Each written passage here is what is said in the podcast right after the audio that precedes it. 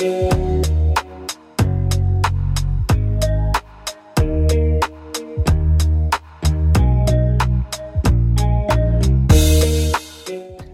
Was w specjalnym Prima Aprilisowym podcaście PokerStrategy.com. Nie zdradzając szczegółów dzisiejszego odcinka, serdecznie zapraszam Was do jego wysłuchania.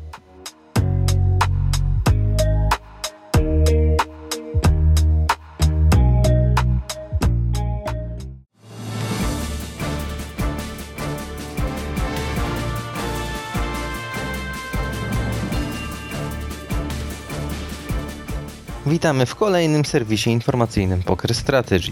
Dziś przygotowaliśmy dla Was informacje o turnieju WPT Wiedeń, 60-miliardowym rozdaniu na PokerStars, specjalnych free rollach na naszych partnerskich poker roomach, a także garść informacji o firmach szkoleniowych. Zapraszamy!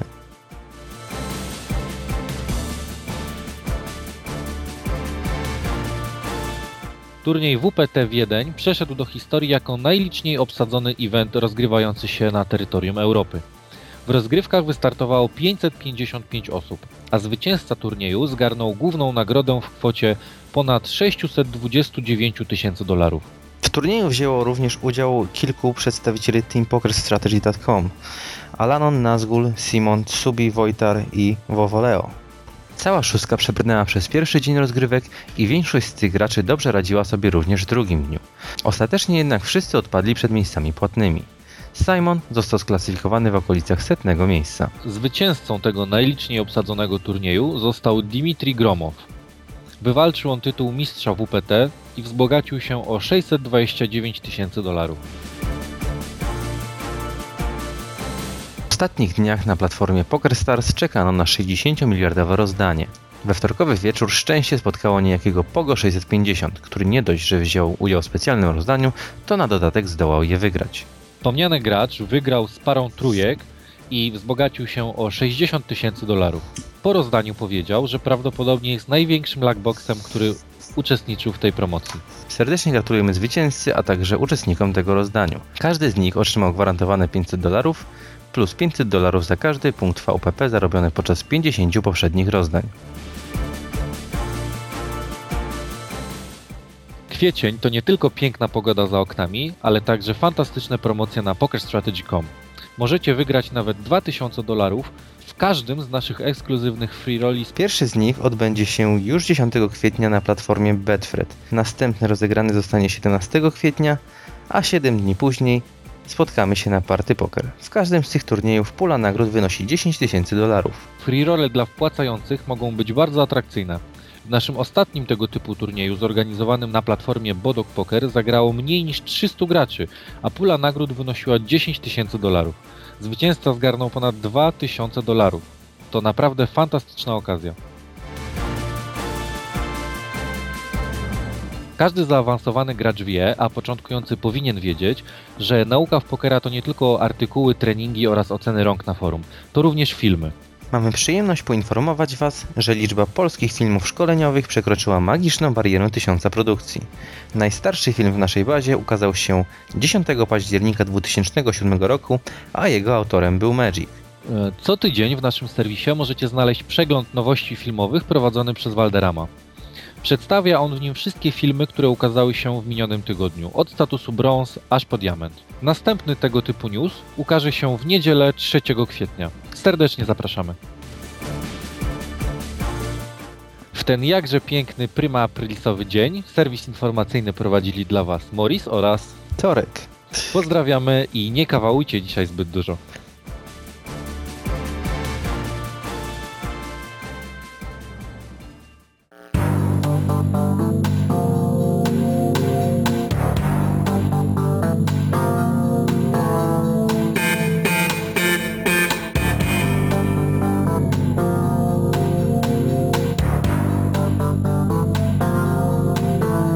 Witam serdecznie, z tej strony Urbi dla PokerStaty.com w nowym odcinku pokerowego podcastu. Jeżeli się nie mylę, odcinek ten będzie odcinkiem prima aprilisowym. Nie oznacza to jednak, że będę w nim zabijał was żartami. Jak mawia Karol, żarty się skończyły. Natomiast e, jego treść będzie zdecydowanie luźniejsza niż to, do czego zdążyłem Was do tej pory przyzwyczaić. Dzisiaj przedstawię Wam kilka wybranych przeze mnie, a luźno powiązanych z pokerem ciekawostek. Postanowiłem jednak przedstawić je w formie quizu. Będziecie mieli możliwość e, zgadywania, jakie są prawidłowe odpowiedzi na zadane przeze mnie pytania. No, naturalnie w tym quizie żadnych nagród e, nie przewiduję, jednak każdy z Was będzie miał satysfakcję, jeżeli uda mu się poprawnie odpowiedzieć na e, większość pytań. Mm, Zacząłbym od tego, e, do czego luźno nawiązałem przy okazji poprzedniego podcastu. Mianowicie wymieniłem tam, jak wiele jest różnych możliwości ułożenia kart. Jak wiemy, talia pokerowa składa się z 52 kart. Kar- Karty można, karty można potasować na wiele różnych sposobów. No i oczywiście tych sposobów jest bardzo, bardzo dużo. Ile konkretnie to możecie sobie sami policzyć. E, Znacie pewnie takie mm, powiedzenie, że gdyby wszystkich Chińczyków ustawić jeden na drugim, to dosięgnęliby oni do Księżyca. To jest prawda, a nawet, nawet dosięgnęliby trochę dalej. Ja postanowiłem na tej samej zasadzie sprawdzić, że gdybyśmy, co by się stało, gdybyśmy ustawili na sobie wszystkie możliwe układy pokerowych talii, tak żeby każda talia e, w tym, w tym stosie, który ułożymy, była inna. No i co się okazało? To jest pierwsze pytanie. Gdyby takie, gdyby ustawić na sobie wszystkie możliwe różne pokerowe talie, to dosięgnęłyby one do A. Na wysokość wieży Eiffla, B. Do Słońca, C. Wyszłyby spoza naszego układu i dosięg, dosięgnęły do kolejnej gwiazdy. Ta, ta, ta, ta. Chwila na zastanowienie. Prawidłową odpowiedzią, co również mnie potwornie zdziwiło, jest- odpowiedź C. Okazuje się, że gdybyśmy umieścili na sobie wszystkie możliwe układy talii pokerowych, to miałyby one odległość równą 4, ponad 4 lata świetlne. A to jest właśnie odległość, która dzieli Słońce od najbliższej nam gwiazdy w naszej galaktyce. 4 lata świetlne, zdajcie sobie sprawę, jak to jest daleko. Jedna talia kart ma co prawda grubość około zaledwie 2 cm, ale tych wszystkich możliwych układów e, talii pokerowych jest, a, z tego co udało mi się wyliczyć, 800 decylionów. Nawet nie próbuję sobie wyobrażać tak dużej liczby. Te, te właśnie 800 decylionów razy 2 cm da nam 4, ponad 4 lata świetlne. A wróćmy może do trochę bardziej przyziemnych spraw. Mm, Poprzednim pytaniem była talia pokerowa składająca się z 52 kart. No warto by sobie również zadać pytanie, kto w ogóle wymyślił pokera. E, I tutaj ponownie trzy warianty odpowiedzi. E, Odpowiedź A. Został on wymyślony przez starożytn w starożytnych Indiach. Odpowiedź B. Około XV-XVI wieku w Persji. I odpowiedź C. Wymyślili go w XIX wieku Amerykanie. Prawidłową odpowiedzią na to pytanie jest odpowiedź B. Grę, którą można by uznać za przodka pokera, wynaleziono właśnie prawdopodobnie w okolicach XV lub XVI wieku na terenach perskich, czyli na terenach dzisiejszego Iranu. E, Gra ta nazywała się As-Nas. E, Nie używano wtedy jeszcze 52 kartowych talii. Talia składa się z 25 kart. Gra polegała na zbieraniu podobnych układów jak w dzisiejszym pokerze, z tą różnicą, że e, Persowie nie korzystali ani z kolorów, ani ze streetów. Zbierano tylko pary, dwie pary, trójki i tak dalej. Nazwa poker sama w sobie pochodzi od tego, że gdy gra dotarła do Europejczyków, ci nazwali tą perską grę Asnas jako poke albo poche i stąd już niedaleka droga do nazwy poker. Czyli tak jak mówiłem, prawidłową odpowiedzią jest odpowiedź B, natomiast dwie pozostałe odpowiedzi nie zostały wzięte e, z powietrza. E, Odpowiedzią A były starożytne Indie. W starożytnych Indiach co prawda nie wynaleziono pokera, natomiast uważa się, że to właśnie w Indiach e, wynaleziono karty jako takie. Pierwsze ślady kart odnaleziono co prawda w Chinach w okolicach IX wieku, natomiast uważa się, że przybyły one do Chin właśnie z Indii, a, a co skłoniło Hindusów do wynalezienia czegoś takiego jak karty? No, najprawdopodobniej była to po prostu a, pewien sposób przedstawienia kości, dlatego że gra, gry w kości były wtedy bardzo popularne w Indiach e, i próbowano na karty przenieść właśnie wartości, które istniały na kościach i te same gry, które grano na kościach, grano, grano w karty. A kiedy zawitały one do Europy? No miało to miejsce tak u schyłku wojen e, krzyżowych. W XIII wieku przez Saracenów dotarły one do Europy zadomowiły się w Anglii, we Francji, w Niemczech. Mm, Przez lata, wiadomo, zmieniały się kolory kart, zmieniały się figury, jakie tam istniały, zmieniały się, zmieniała się ilość kart w talii, aż doszliśmy do tego momentu, w którym jesteśmy dzisiaj, gdzie najpopularniejsze talie mają 52 karty, po 4 kolory, po 13 różnych, e, różnych kart. E, A figurami są as, król, dama, walet. Odpowiedzią C w tym pytaniu były Stany Zjednoczone w XIX wieku, e, a umieściłem tą odpowiedź tam dlatego, że co prawda Amerykanie nie wynaleźli pokera, natomiast to oni przyczynili się do e, powstania go właśnie w takiej formie, w jakiej znamy go dzisiaj. Dokładnie, dokładnie na tych samych zasadach, e, jeżeli chodzi o betowanie, jak i o dokładnie karty, których używamy oraz układy, e, które można stworzyć, to właśnie końcówka XIX wieku i Stany Zjednoczone. Mm, Jeszcze ciekawostki odnośnie, odnośnie samych kolorów kart. Te, którymi się obecnie posługujemy, czyli kiery, piki, trefle i kara. Kształty tych, tych kolorów. Zabawnie to brzmi. E, Kształty tych kolorów pochodzą z francuskiej notacji. E, Francuzi właśnie takich kart używali. Natomiast same nazwy są, e, jak wiadomo, angielskie. Nie, nie jest to tłumaczenie z francuskiego kolorów, tylko są to nazwy angielskie. Anglicy mieli inne kształty, natomiast właśnie takie nazwy. No i jeszcze ciekawe, no jeszcze co ciekawe, skąd wzięły się w polskiej nomenklaturze takie rzeczy jak na przykład dzwonki albo żołędzie, które no niewiele mają wspólnego z wyglądem, mm, z wyglądem e, kolorów. No, wzięły się one z niemieckiej notacji, gdyż e, Niemcy właśnie takie, mm, takie kolory kart mieli. Mieli e, serca, dzwonki, żołędzie oraz liście. I to z Niemiec przywędrowały do nas te nazwy. I mimo, że kształty, jakie widzimy teraz na kartach, już od jakiegoś czasu są tymi angielskimi, tymi, jakie znamy teraz, to niektórzy ciągle używają tych starych nazw. E, Wróćmy może na chwilę do tych nieszczęsnych Amerykanów. E, Co takiego sprawiło, że mają oni mm, aż taki wkład w rozwój pokera? Poker przywędrował do Ameryki Północnej naturalnie poprzez Anglików w czasach kolonialnych. I ta wersja, która dotarła jako pierwsza do Stanów Zjednoczonych, to była ta z em, 20-kartową talią, w której nie było jeszcze kolorów ani streetów. I Amerykanie stopniowo. Aha, e, tą grą, w którą grali, był, było coś w rodzaju five card draw, jednak bez draw, co ciekawe. To znaczy, rozdawało się po prostu po 5 kart i kto miał najlepszy układ, e, wygrywał. Oczywiście przy całej, całe, cała, cała zasada betowania była e, bardzo podobna do tej, jakie mamy teraz w e, poszczególnych rundach licytacji. Z tym, że wówczas, ponieważ nie było draw, była właśnie tylko jedna runda licytacji e, ręka nie mogła ulec w żaden sposób poprawie ani pogorszeniu. E, No i do tej wersji Amerykanie najpierw e, dodali 52-kartowy mm, deck i był to tym, jednocześnie właśnie w tym momencie wymyślono, że można stworzyć coś takiego jak kolor. Następnie w okolicach połowy XIX wieku do tego five card drawa dodano rzeczywiście draw. E, Kilka lat później w czasie wojny secesyjnej wymyślono stada, a razem z wymyśleniem stada e, dodano do układów pokerowych streeta. Później stopniowo dodawano kolejne, kolejne gry, aż, e, mm, aż w końcu na początku XX wieku wymyślono gry z kartami wspólnymi i w tym m.in. właśnie Texas Hold'em. Nazwa Texas Hold'em to chyba nie trzeba tłumaczyć, wynika z tego, że właśnie gry z kartami wspólnymi wymyślono w Teksasie.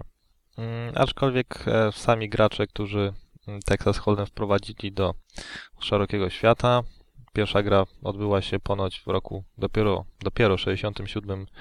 e, Pierwsza gra Vegas odbyła się dopiero ponoć w 67 roku. No I gracze, którzy grę e, do Vegas sprowadzili, nie nazywali jej Texas Hold'em. Dla nich było to oczy- oczywiste, że jest to gra z Teksasu, nazwali ją po prostu Hold'em. No i jak teraz widzimy, gra zrobiła piorunującą karierę.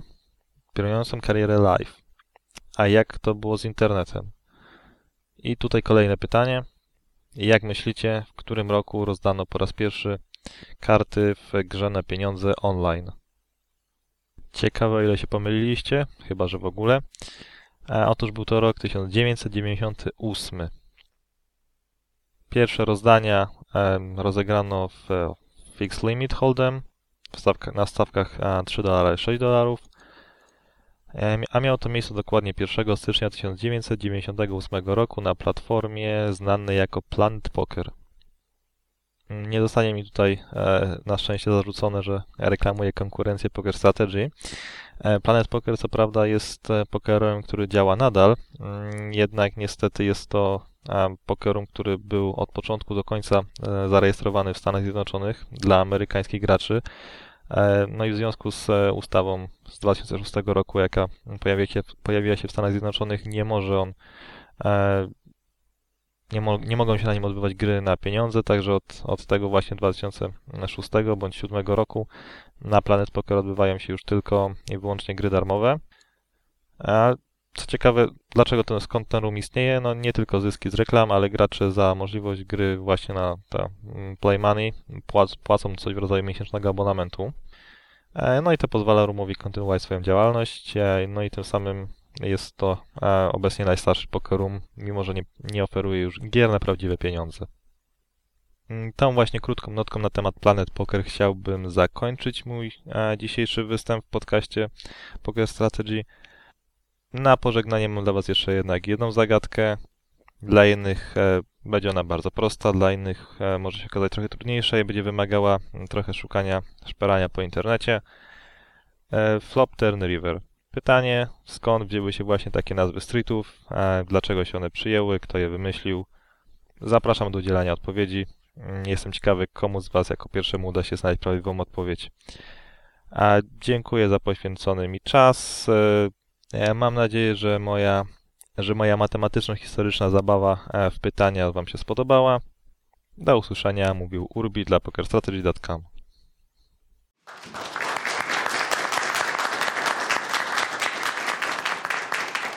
Jestem zdenerwowany trochę, chociaż często występowałem publicznie.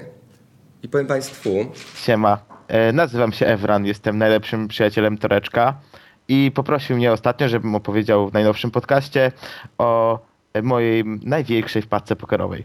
E, Kiedy poprosił mnie o to, od razu wiedziałem o jaką historię chodzi. Tak naprawdę wszyscy, którzy byli w tym roku w Ostrawie dobrze znają tą historię i w kilku słowach postaram się wam przybliżyć, jak to mniej więcej wyglądało. No więc pierwszego dnia, kiedy część z nas y, uderzyła do fenomenalnego turnieju, y, reszta postanowiła y, dorwać czeskich fiszy przy stolikach keszowych, w tym ja. Gierka była bardzo przyjemna, bardzo miła, y, ale miała jeden minus, mianowicie na tych gierkach keszowych y, alkohol był za darmo, co może kłaść dużym cieniem y, wątek tej historii. Tak więc e, po kilku ładnych, e, naprawdę dobrych czeskich piwkach usiedliśmy przy jednym stoliku z Salikiem, Torkiem i jeśli dobrze pamiętam jeszcze Kantitem. I wszyscy w dobrych humorach postanowiliśmy rozpocząć naszą pasywną i ciasną grę. E, W pewnym momencie e, podniosłem swoje karty i były to 5-6 suited w pikach, a więc, że jestem, a że jestem wielkim nitem, postanowiłem strzebetować otwierającego Undertake'a nita na pozycji. E, Kiedy na flopie zobaczyłem dwa piki, uznałem, że nie ma najmniejszej mowy, żebym tą rękę spasował w jakikolwiek sposób, więc e, zacząłem tylko rozmyślać, w jaki tu najciekawszy sposób wrzucić by jakiegoś fajnego olina. Stwierdziłem, że race na flopie to nie reprezentuje nic ciekawego. Uznałem więc, że e, race'em na ternie będę reprezentował tak, taką masę dobrych rąk, że mój przeciwnik na pewno wystraszy się i wyrzuci jakiegoś seta. E, Wszystko przebiegło tak jak oczekiwałem. Dostałem Sibeta normalnej wielkości, jak również second barrel na ternie. E, Niewiele się zastanawiając, z pełnym radością i uśmiechniętą buzią wrzuciłem Olinę ze swoim 5-6 suited. E, Mój przeciwnik sprawdził mnie niestety z dwiema parami, nie wiem do końca jak to zrobił, ponieważ moja linia była perfekcyjna. Niestety on nie dał się na nią nabrać i kiedy mi pokazał swoją rękę, stwierdziłem, że wystarczy teraz jakiś mały pik na riverze i w- cała pula spadnie z powrotem do mnie. Niestety na river spadł e, e, król e, w klapsach, więc uznałem, że z tym bindem chyba będę musiał się już pożegnać. Na showdownie postanowiłem zmakować swoją rękę, więc wyrzuciłem ją na środek stołu. W, tam, w tym momencie pastor, który przychodził koło stołu, zaczął ze mną dyskutować o tej ręce, więc żeby się obronić, postanowiłem pokazać, że jednak miałem jakieś auty i zmakowaną już rękę odsłoniłem.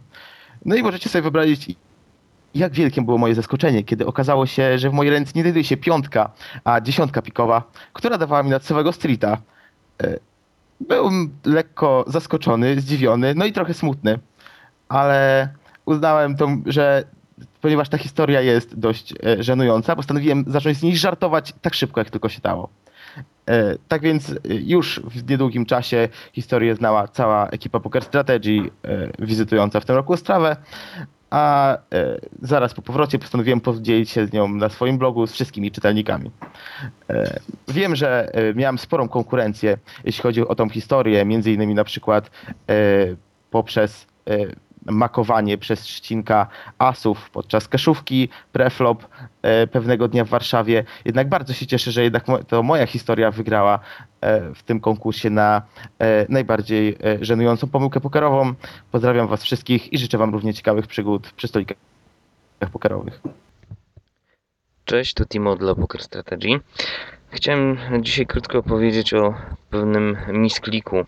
W sumie chyba każdemu z nas zdarzyło się kiedyś e, takie zagranie, którego potem żałowaliśmy, które było typowo e, misklikiem. Ja chciałem właśnie o, o takim jednym opowiedzieć, do którego w sumie do dzisiaj mam uczucia dość ambiwalentne. E, No cóż, przejdźmy do rzeczy. No, pewnego razu siedziałem sobie z kolegą w, w jego klubie, popiliśmy piwko za piwkiem i no tak, żeby zabić jeszcze jakoś czas, e, odpaliliśmy sobie na platformie PokerStars kilka sit and go'ów. W tym jeden 45-osobowy za ponad 30 dolarów. No i tak pijąc piwo, gadając o głupotach, e, graliśmy również w, w tym turnieju. E, Szło nam całkiem przyzwoicie, o dziwo. E, Doszliśmy do e, FT, tam 7 pi- miejsc płatnych było. Mieliśmy na FT trzeci stack, to sam początek e, stołu finałowego. E, Pierwsza ręka, jaką dostałem, to było 6-9 off. e, No, spokojny fold. E, Przede mną siedział na UTG Big Stack Chip Leader. On zrobił, zagrał min.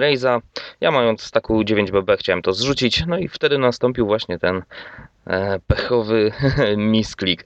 Zagrałem min raise'a, a więc jedną trzecią staka już wrzuciłem preflop. No i wiedziałem, że e, no, niestety to utrudnia mi walkę o zwycięstwo, darmowe rozdawanie e, żetonów. Ale o dziwo, e, akcja potoczyła się trochę inaczej niż, niż myślałem, że się potoczy. E, za mną dostałem call od gracza, który miał w staku 6BB. Skolował za, za połowę swojego staka. No i o dziwo, y, Big Stack na UTG też tylko dołożył tego jednego blinda. No ale, tak jak mówię, to był misklik, nawet nie, nie sądziłem, że będę się angażował w to rozdanie.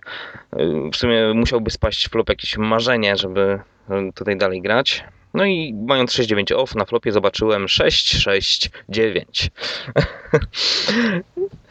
Jak powiedziałem na początku, uczucia co do tego rozdania mam dosyć ambiwalentne, dlatego że no, fakt faktem kolesia za mną wystakowałem, połamałem mu asy. UTG się zrzucił, także nie wiem co miał, ale opinia Donka prawdopodobnie pozostała. Ale cóż, jeżeli mają się trafiać mi skliki, to mam nadzieję, że jak najczęściej będą właśnie tak się kończyły jak ten. Okej, dzięki. Tyle tutaj z mojej strony. Trzymajcie się, na razie. Moja największa gafa, no nawet nie wiem, czy to można nazwać misklikiem, to bardziej taki, nie wiem, misrek. E, Miałem w softie wyłączone wszystkie filtry i pokazywało mi turnieje tam od mikro do high. No i nie pamiętam, która to była godzina, bodajże około 19 naszego czasu i e, tam jest, występuje, że jest turniej za 5 dolarów i turniej za 109. No ja wtedy grałem powiedzmy, nie wiem, za piątkę i za 11, 11. No i przez przypadek regnąłem się do tej 109, bo ona była o tej samej godzinie. No i podpala mi się turniej, patrzę, odpalamy turnament Sharka i sprawdzam statystyki graczy, którzy siedzą ze mną przy stoliku, no i tak trochę mi coś nie pasowało, bo fiszy żadnych praktycznie nie było, wszyscy to, znaczy no większość to były, byli jacyś wygrywający regularsi. No i odpaliłem e, sobie lobby i na liście zobaczyłem kilku, kilka, kilku zawodników, którzy grają naprawdę wysoko, jak nie wiem, Aim Danaz czy Zakatak. No i dopiero wtedy się strzeliłem, że odpaliłem niechcący turniej za 109 zamiast za, za 5. No ale cóż, no musiałem grać. No ale wtedy jeszcze kompletnie sobie nie radził, nie poradziłbym w czymś takim i skończyło się na tym, że nie wiem, odpadłem po, po jakichś dwóch godzinach gry, bez, że nie robiąc żadnego dipa ani nic. No i chyba tyle. Cześć, tu Bombel dla Poker Strategy. E, Pamiętam swoją największą pokerową wpadkę. Jeśli chodzi o grę online, to myślę, że naj, największa wpadka to będzie e, mój call z Asche Suited, dosyć słynna ręka wśród moich znajomych.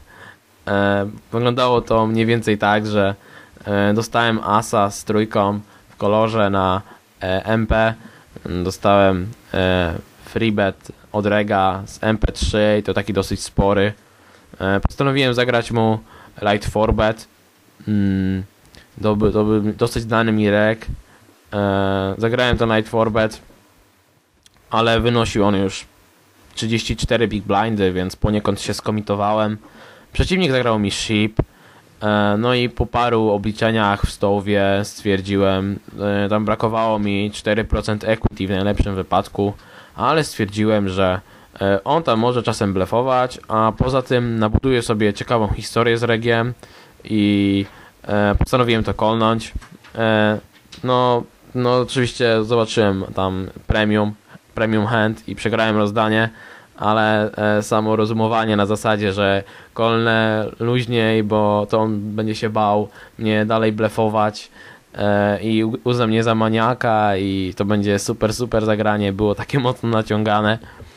E, także teraz znajomi się śmieją, że na mnie to jest po prostu easy game, e, że skoro ja sprawdzam Ashes Suited, no, no to e, easy money. E, jeśli chodzi o miskliki, to też zdarzyła się taka sytuacja, że miałem top seta e, i grindowałem wtedy jeszcze NL25 na 13 stołach na moim laptopie, który ma 15 cali. E, no i dostałem tego top seta na fisza, betuję flop, betuję turn. E, no i w tym momencie na stole obok chciałem oznaczyć wpłacanie blindów. E, No i chciałem kliknąć i w tym momencie wyskoczył ten stół z topsetem, gdzie jak się okazało dostałem race od Fisha. No i w tym samym miejscu pojawił się przycisk fold i sfoldowałem tego topseta. No nie ukrywam, że mocno się zezłościłem i efektem tego było zakończenie sesji, e, żeby nie było dalszych przykrych konsekwencji tego zagrania.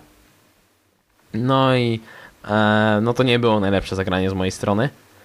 A jeśli chodzi o grę live, to też taka zabawna sytuacja. Jedna z pierwszych gierek, bodajże drugi czy trzeci raz byłem live, graliśmy ze znajomymi. E, no i kolnąłem z pozycją King Queen Suited. E, na, e, na flopie to parę i backdoor flash drawa, więc zadowolony gram call flop, call turn. E, no i River przyniósł asa kier. No i który dawał mi wtedy nuts flasha. Ja niestety pomyślałem, że to jest karo. Myślałem, że tam nie mam flasha. Przeciwnik zagrał check. E, przeciwnik zagrał check. E, ja zagrałem check back z moim nuts flashem. E, jak się okazało, przeciwnik pokazał top seta.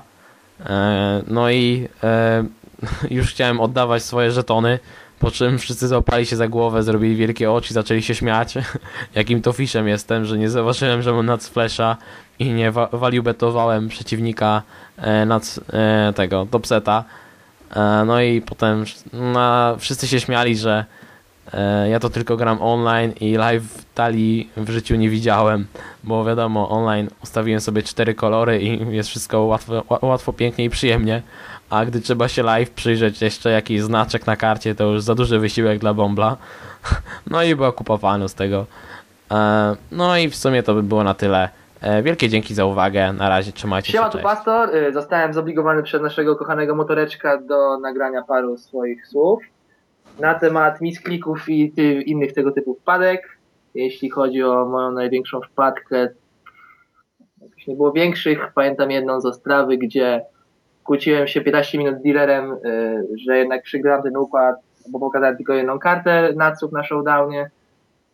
A z misklików, no to wiadomo, oprócz spasowanych tysiące razy asów, naj, najpiękniejszy misklik, raczej pozytywny był jak testowałem Table Ninja i nie wiedziałem jeszcze, że Enter y, powoduje bet i w tym momencie wyskoczył mi na Skype'ie Bumble. Gadałem z Bomblem, wyskoczył mi stół, zagrałem race z Alt-2 Offsuit.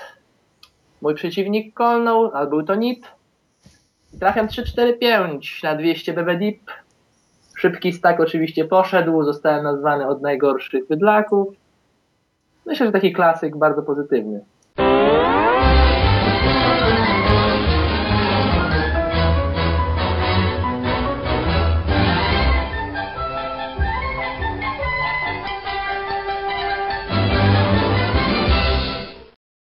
Witam serdecznie, z tej strony Fizolow dla PokerStrategy.com A obiecałem sobie, że nie będę już nazywał tego, co robię wywiadem. Links pozdrawiam. To nie jest podobne, tak więc będę to, nie wiem, nazywał pogadankami polsko-polskimi. Może będą też zagraniczne w przyszłości. E, dzisiaj moim gościem jest gracz, który e, jest strasznie dumny z siebie. Jest e, niesamowicie uzdolniony, tak uważam. I ogólnie to, to, to, to jest pyszałek. No witam wszystkich tutaj pyszałek. Serdecznie. E, powiedz mi, czy ten nick to powstał jak już byłeś e, dobrym pokerzystą, czy wcześniej dopiero miałeś taki zamiar?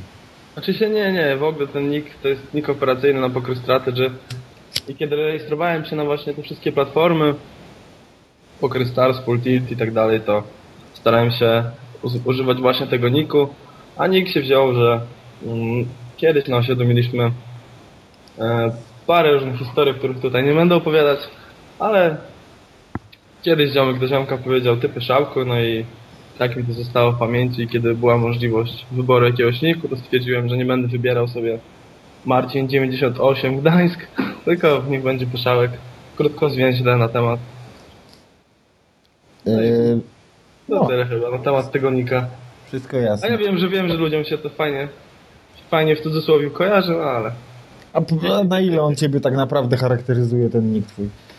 Znaczy się to zależy, kto jak interpretuje to słowo. Niektórzy odbierają je jakie, jako jakieś znaczenie pejoratywne, czyli negatywne. Inni jako po prostu ktoś, kto y, śmie do czegoś dążyć, ma jakiś cel, chce to osiągnąć.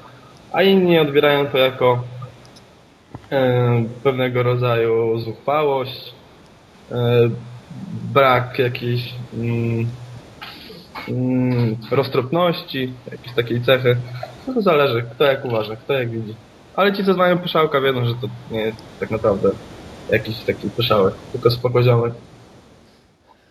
Okej. Okay. No, to spoko ziomku w takim układzie. Ja Cię tutaj zaprosiłem e, w takim jednym celu, bo musisz mi wyjaśnić pewną rzecz. Y, kilka osób już stwierdziło, że ty masz kody na PokerStars. Szykujesz. Nie, no gdzie? Po prostu dużo ciężkiej pracy. Mnóstwo rozegranych turniejów. No i tak naprawdę to jest e, codzienna praca nad swoją e, psychiką, e, temperamentem, charakterem. Bo tak naprawdę w longranie umiejętności, to nie jest jakiś większy procent, który stanowi sukces. Tak, tak naprawdę najważniejsza jest psychika w tym biznesie. No jeśli nie umiesz wytrzymać e, kilkutygodniowych, kilkumiesięcznych swingów, e, zmiany stawek, zmiany limitów na niższe, wyższe i tak dalej, no to może być Ci dosyć ciężko. Technika gry no, jest w długim okresie czasu mniej znacząca niż w okresie za 8 tygodnia czy miesiąca. No ale y, Twoje osiągnięcia z turniejów, no powiedzmy sobie szczerze, no, z niskim raczej wpisowym, no, wręcz niesamowite. Wiesz, tam są pięciocyfrowe e, wygrane na dwucyfrowe wpisowe. Z tymi właśnie z turniejami u mnie to była dosyć ciekawa historia, bo ja e, nigdy jakoś e, specjalnie nie przygotowywałem się do gry w tych turniejach. Ja, tak jak wy, drodzy użytkownicy, grałem sobie kiedyś tam, jak już zbankrutowałem dwa, trzy razy, to czwartego razu sobie usiadłem. Grałem sobie kaszyki właśnie, jakieś dziesiątki, dwudziestki piątki, pięćdziesiątki. No i jakiś szocik na turniej. Udało się za którymś razem wygrać te kilka kółek. I no i już się człowiek to wciągnął i myślał na ten temat, jak grać dobrze. Yy, analizował swoją technikę, e, rozkminiał różne spoty. No i najważniejsze jest to, żeby e, samemu wyciągać wnioski. No bo jeżeli ktoś powie, że w tym i w tym momencie powinieneś podbijać 3x albo 2,5x albo nie otwierać tej ręki, no to w sumie może to na ciebie niezbyt dobrze podziałać, bo e, no to jest tak jak mama mówi do małego dziecka e, nie tykaj tego lizaka, dzisiaj go nie dostaniesz, nie kupię ci go. No ale trzeba tak naprawdę cały czas pracować nad sobą, używać czosnku, czyli mózgu i wszystko powinno być dobrze. Ale ty musisz grać niesamowitą ilość tych turniejów, że... No właśnie to też wymagało w sumie mojej trochę pracy, bo y, kiedy zaczynałem być pro w cudzysłowie, czyli kiedy wynająłem tą chatę z Olorem rok temu, to nie grałem tak naprawdę jakiejś wielkiej ilości turniejów w jednym momencie. No ale kiedy kupiłem sobie drugi monitor, wygodniejszy, wygodniejszy fotel, nie ten, który widzieliście na pierwszej części wideobloga, to y, no i zwię- zwiększyłem wolum i teraz, e, kiedy gram regularnie, codziennie, szczególnie ostatnie tam dwa tygodnie, no to muszę powiedzieć, że ogarnięcie tam 10, tam max 15 stolików. W, porywach, w porywach do 18, no nie jest, nie jest aż tak trudne, bo turnieje mają to do siebie, że w ciągu pierwszych dwóch godzin, szczególnie na niskich, średnich stawkach, no, gra się dosyć ABC i no jesteś w stanie spokojnie ogarnąć te 15 e, stołów, gdzie masz wszędzie ABC, z czego na pewno odpadnie ci w ciągu dwóch godzin jakieś tam 4 czy 5, więc w końcu końców Deep Runa będziesz miał w jednym, w dwóch albo w trzech. Zazwyczaj, więc nie jest to aż tak trudne. No, no, najwyżej na początku, te pierwsze kilka godzin, pierwsze kilka miesięcy, człowiek się przyzwyczai. No ale oczywiście to też zależy od, e, no, od osoby, to jak lubi grać. Niektórzy wolą większy wolum, inni mniejszy. Ja generalnie uważam, że na średnich, niskich stawkach w turniejach e, powinno się mm, raczej troszkę więcej rozgrywać tych turniejów z tego względu właśnie, że gra się dosyć prościej niż wysokie stawki. Tam już ludzie mają odpalone 2-4 stoliki i koncentrują się tylko i wyłącznie na jakości, ale na mm, średnich, niskich można sobie pozwolić na ilość. Oczywiście też dobrej jakości. No właśnie, bo to też musi temu towarzyszyć. No ale skoro mówisz, że ABC jest... E, Czy ty grasz automatycznie po prostu przez pierwsze dwie godziny? Znaczy się nie jestem robotem, prawda? Rozkminiam cyfry, jakie mam, e, blindy, jakie są, e, faza turnieju, jaka jest. No i to wszystkie informacje jakby no, szybko docierają do mojego mózgu, dosyć sprawnie to analizuję, wtedy podejmuję decyzję. Nigdy nie jest tak, że na przykład król dama tutaj zawsze flatuje, a na przykład w innym spocie mm, robię 3bet. Wszystko zależy od przeciwnika, od spota. Czasem nawet król dama na, na wczesnej fazie turnieju mm, może być dobra, żeby się zastykować. Szczególnie jeśli to rebate. No, wszystko wymaga czasu, rozegrania jakiejś tam odpowiedniej ilości e, turniejów. No i ważne też, żeby wujek Łotrzyk też tam się pomógł. Wujek Łotrzyk. Dobra. E, co powiesz na temat swojego ostatniego, no ja to muszę nazwać raszem po prostu niesamowitym. Znaczy się, tak naprawdę Rush się skończył e, w momencie, kiedy właśnie tutaj e, przeprowadzamy ten wywiad nasz. E, bo tak naprawdę ostatni miesiąc, znaczy się nie, nie licząc tego tygodnia, jaki teraz był, to poprzednio tam dobrze mi szło fajnie, no ale jak to wiadomo wariancja, nie powiem jaka jest, nie nadaje się tutaj to, do wywiadu, ale mm, no trzeba przeżyć to jakoś, no. Nie- Raz się, raz się wygrywa, raz się przegrywa i tak naprawdę nie jest ważne to, jaki mamy rezultat na przestrzeni, nie wiem, tygodnia, dwóch tygodni, miesiąca. E, Ważny jest rok, czy tam dwa lata. I wtedy można coś powiedzieć na temat człowieka. No ale miesiąc, czy dwa, to jest tak naprawdę niewiele, jeżeli chodzi o MTT. Ten swing może trwać w nies- nieskończoność. No i trzeba się, trzeba do tego przywyknąć. Okej. A teraz powiedz mi, bo ym, z całą pewnością masz już bankroll na to, żeby grać w turniejach na znacznie większe wpisowe, a nie dwucyfrowe, jakieś tam powiedzmy 20 dolarów. Czy przymierzasz Mhm. się do takich turniejów? To znaczy, no jak drodzy użytkownicy pewnie zauważyliście, yy, na treningach już trochę wyższe stawki są. Wszystko to jest oczywiście bankroll management, do którego teraz po tych kilku latach wchodzę e, bardzo, bardzo konserwatywnie. E, Tak naprawdę dla mnie nie jest aż tak ważne, żeby jak najszybciej wchodzić na najwyższe limity. Ważne jest, żeby cały czas e, i regularnie coś wygrywać. Bo tak naprawdę psychika zaczyna szwankować graczowi turniejowemu w momencie, kiedy ma jakiś miesiąc bez żadnej wygranej. No wtedy, jeżeli nie miał dotychczas jakichś e, większych swingów, zaczyna wątpić w swoją grę. E, niektóre spoty, które mi na pewno wydają się profitowe, dla niego mogą być nieprofitowe. No i szwankuje ci mm, cała psychika. No, trzeba o tym pamiętać. Trzeba być na to przygotowanym. Ja jestem na to przygotowany, już zbankrutowałem, zbankrutowałem kilka razy w swoim życiu w dosyć głupi sposób. I wiem, co to jest bankroll management, wiem, że należy tego przestrzegać. Kilka razy blisko byłem na dnie i udało się z tego wyjść. Także no, trzeba wyciągać wnioski, nie bankrutować kolejny raz. E, a dokładnie jaki stosujesz bankroll management w tym momencie? Ile bainów? Tak naprawdę dużo, dużo, dużo osób zadaje nam te pytania na treningach.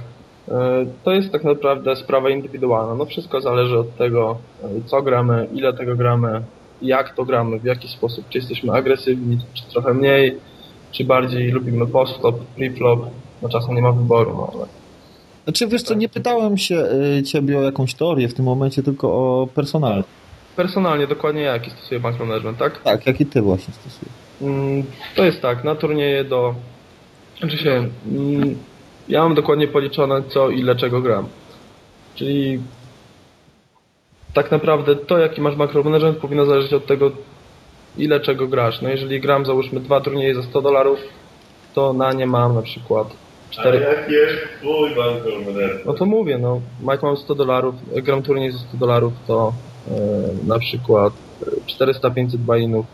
Staram się już zejść z limitu, jeżeli mam poniżej 300, limit, 300 buy-inów. Na turniej, który gram tylko dwa razy dziennie, na turnieje, który gram więcej niż 4 razy dziennie mam hmm, około 1000 buy-inów, może trochę więcej. Powiedz mi, bo ch chyba jeżeli, jak zaczynałeś mieszkać z Olem, to on był wtedy takim trochę gwiazdorem, nie? Aha. Być może, no. I, i, I nagle się teraz role trochę z ten odwróciły. Ale czemu?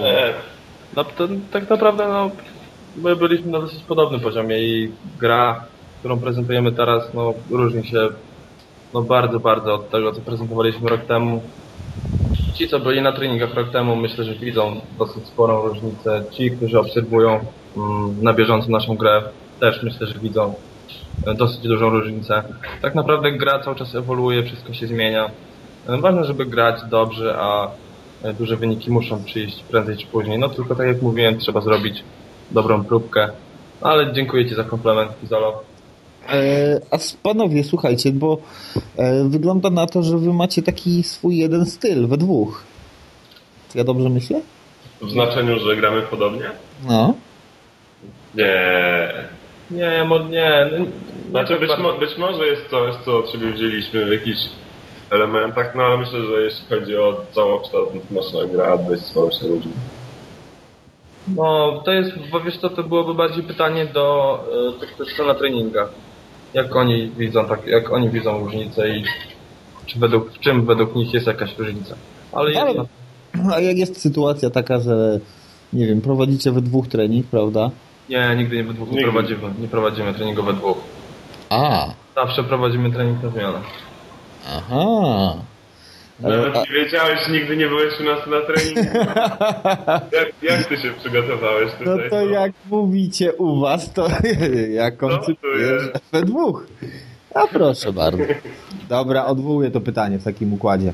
Ale em, zamieszkaliście ze sobą chyba głównie po to, żeby jakoś rozwijać tą grę swoją i, i wspierać się chyba nawzajem, prawda?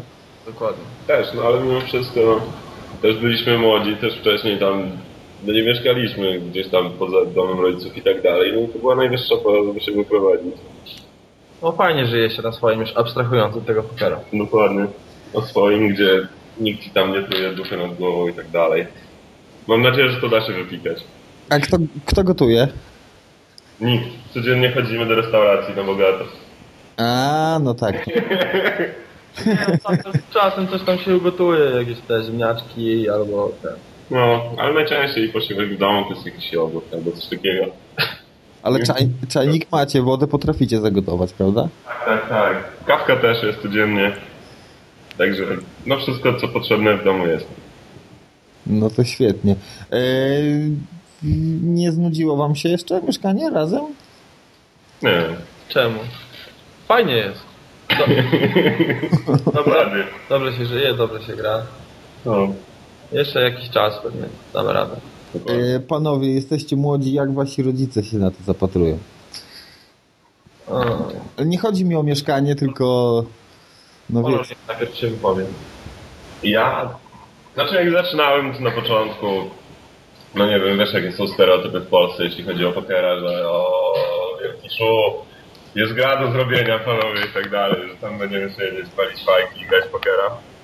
No ale z perspektywy czasu, jak tam nie wiem, na przykład ostatnio wpadłem do rodziców, pogadać i tak dalej, to im wytłumaczyłem mniej więcej na czym to polega, wytłumaczyłem o co chodzi w granie i tak dalej i no, myślę, że moi rodzice są inteligentni, spokojnie to zrozumieli i tak dalej. I tak naprawdę teraz jeśli jeżdżę na jakiegoś ukifta albo coś takiego, no to nie wiem, dzwonią do mnie, wysyłają SMS-y jak tam idzie, żeby się dowiedzieć i tak dalej. No i mimo wszystko myślę, że w tym momencie, tak jak kiedyś byli niepewni co do tego, co to jest poker, to teraz raczej nie wspierają cały czas. Żeby do przodu iść i tak dalej. a u Pyszałka jak to jest u ciebie, Marcin? No u mnie generalnie to wygląda tak, że em, moi rodzice nie do końca wiedzą co robię, nie pojmują tej gry, nie wiedzą dokładnie na czym ona polega, wiedzą jedynie tyle, że w jakiś sposób mm, czynnik losowy jest mm, no, mniejszy niż w ruletce, nie jest to 50-50.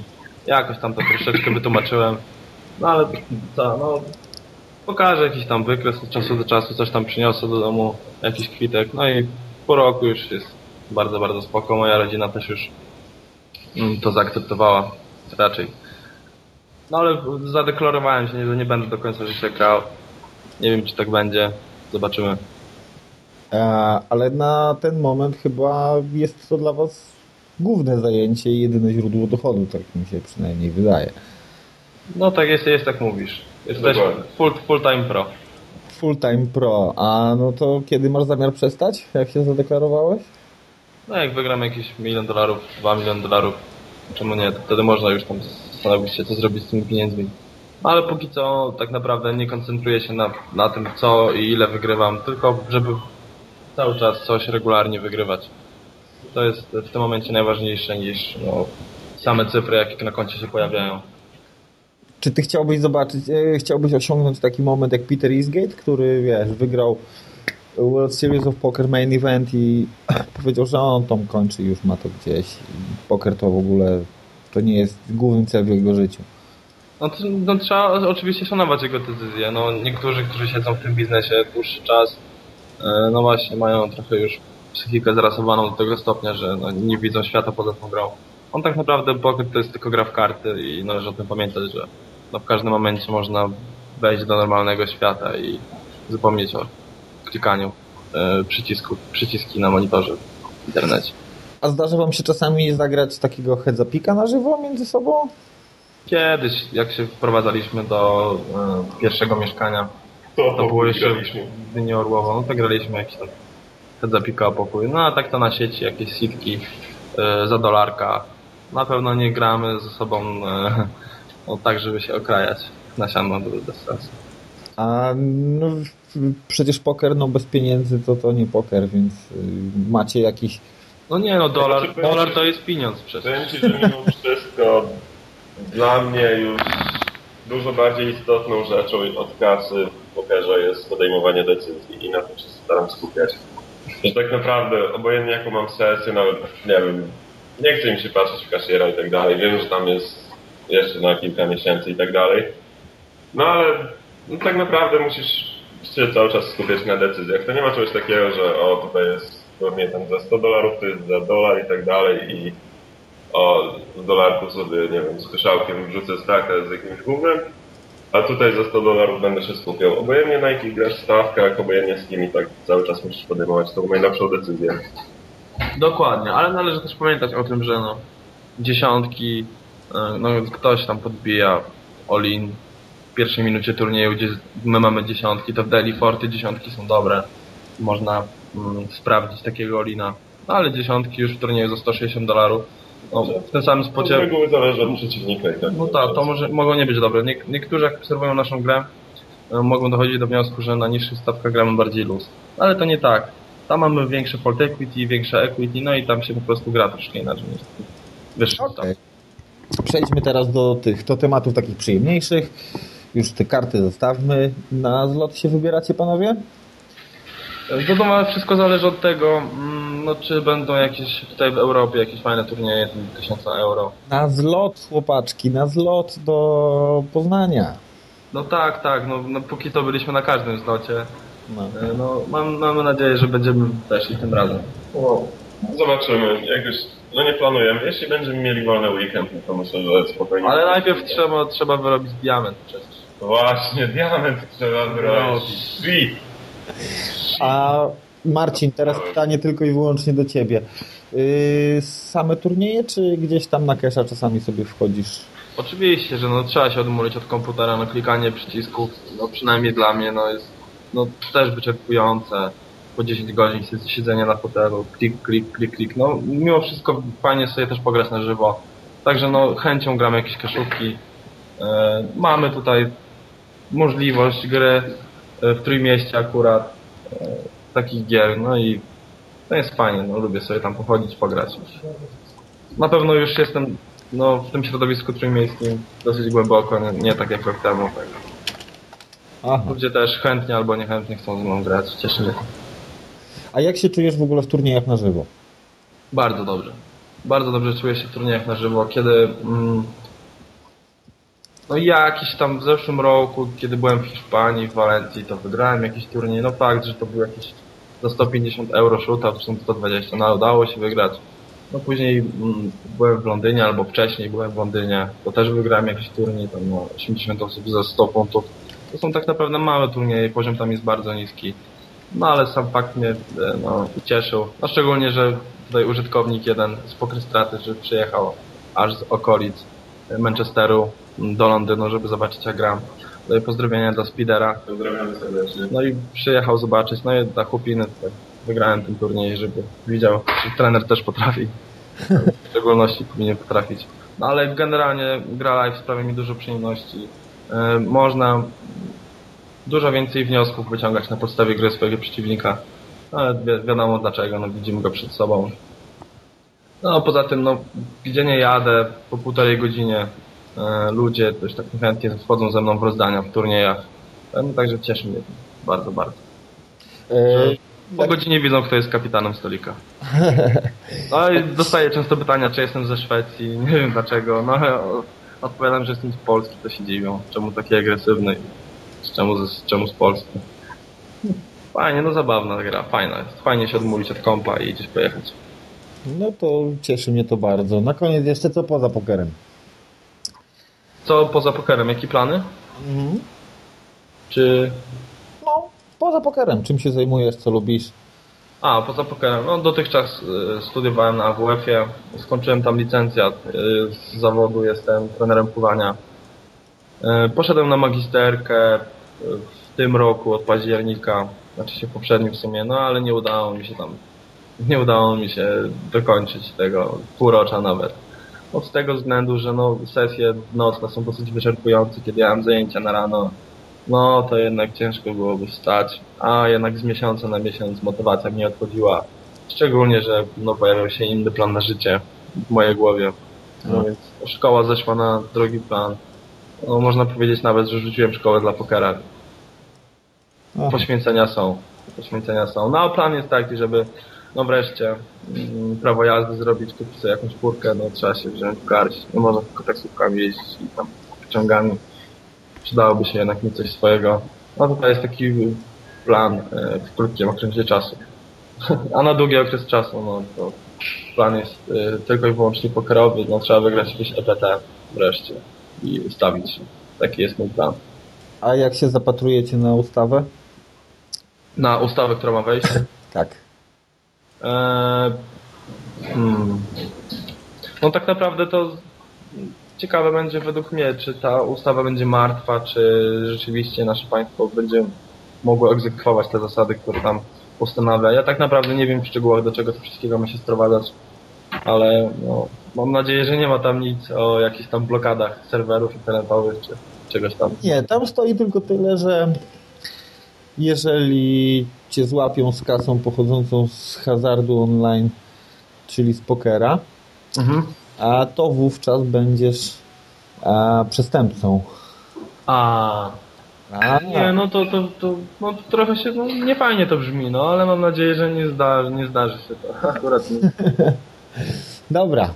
Chłopaki, dzięki Wam serdecznie za rozmowę. Tym niezbyt optymistycznym akcentem. że bardzo Kończymy tą rozmowę dzisiejszą. Mi też było bardzo miło z Tobą. E, po, pogaduchy z Fizo- Fizolofem. Pozdrawiam wszystkich. Moim głównym gościem był Pyszałek i takim panem tam z pudła gdzieś tam z wewnątrz. Jego współlokator Olot. Pozdrawiamy. Pa, pa, pa. Pozdrawiamy Was, użytkownicy. I do usłyszenia na kolejnych treningach.